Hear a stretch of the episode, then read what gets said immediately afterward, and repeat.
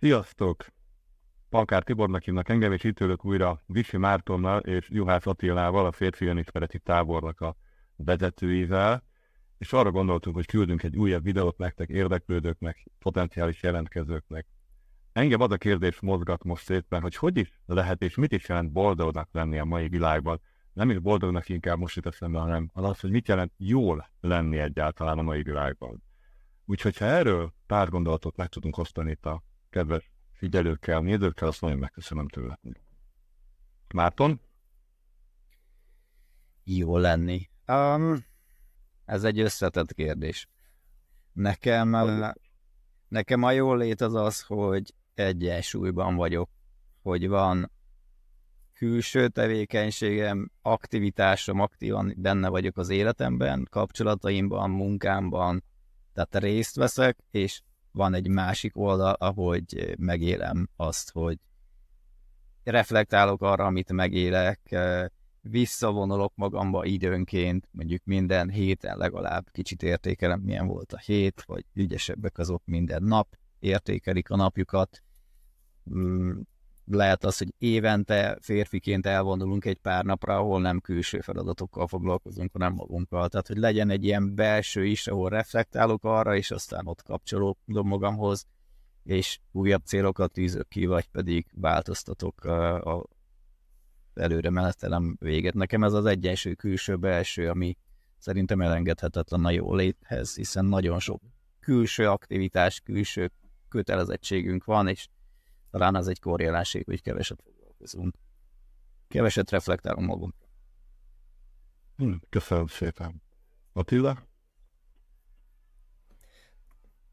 Köszönöm kérdés. Nekem most az hangos nagyon így, hogy, hogy nem lehet egy dimenzióban jó lenni.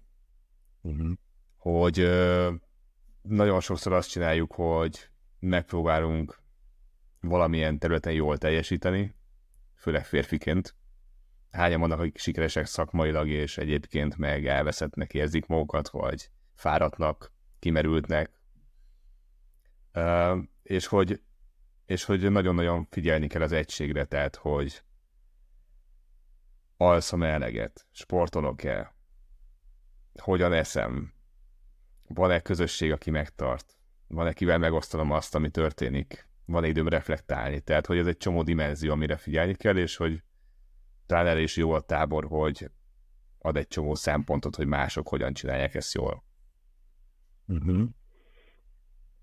Nekem most az jutott eszembe arról, amiket uh, így eddig mondtatok, hogy, uh, hogy ahhoz, hogy jól tudjunk lenni, az először fontos tudni azt, hogy, hogy tudjam azt, hogy milyen cél vezérel engem, tudjam azt, hogy, hogy hova szeretnék eljutni, tudjam azt, hogy mitől leszek én jó, hát csak akkor tudok afelé tenni, és uh, afelé irányulni, és menni előre, hogy elérjem azt a célt, hogy elérjem azt az állapotot, mert annyiféle inger vesz körbe minket, és annyiféle irányok, és pont most a ugye videófelvétel előtt beszéltünk, hogy egy ilyen, ilyen mesterséges intelligencia által generált különböző nem tudom, Instagramon már fönn vannak különböző személyek így mesterséges intelligencia által generálva, akiket, akik hát reagálnak valódi emberek, és, és szépen lassan azt, ha nem vagyunk nagyon egyetudatosabbak, elveszíthetjük azt, hogy mi is a valóság, és mi nem a valóság.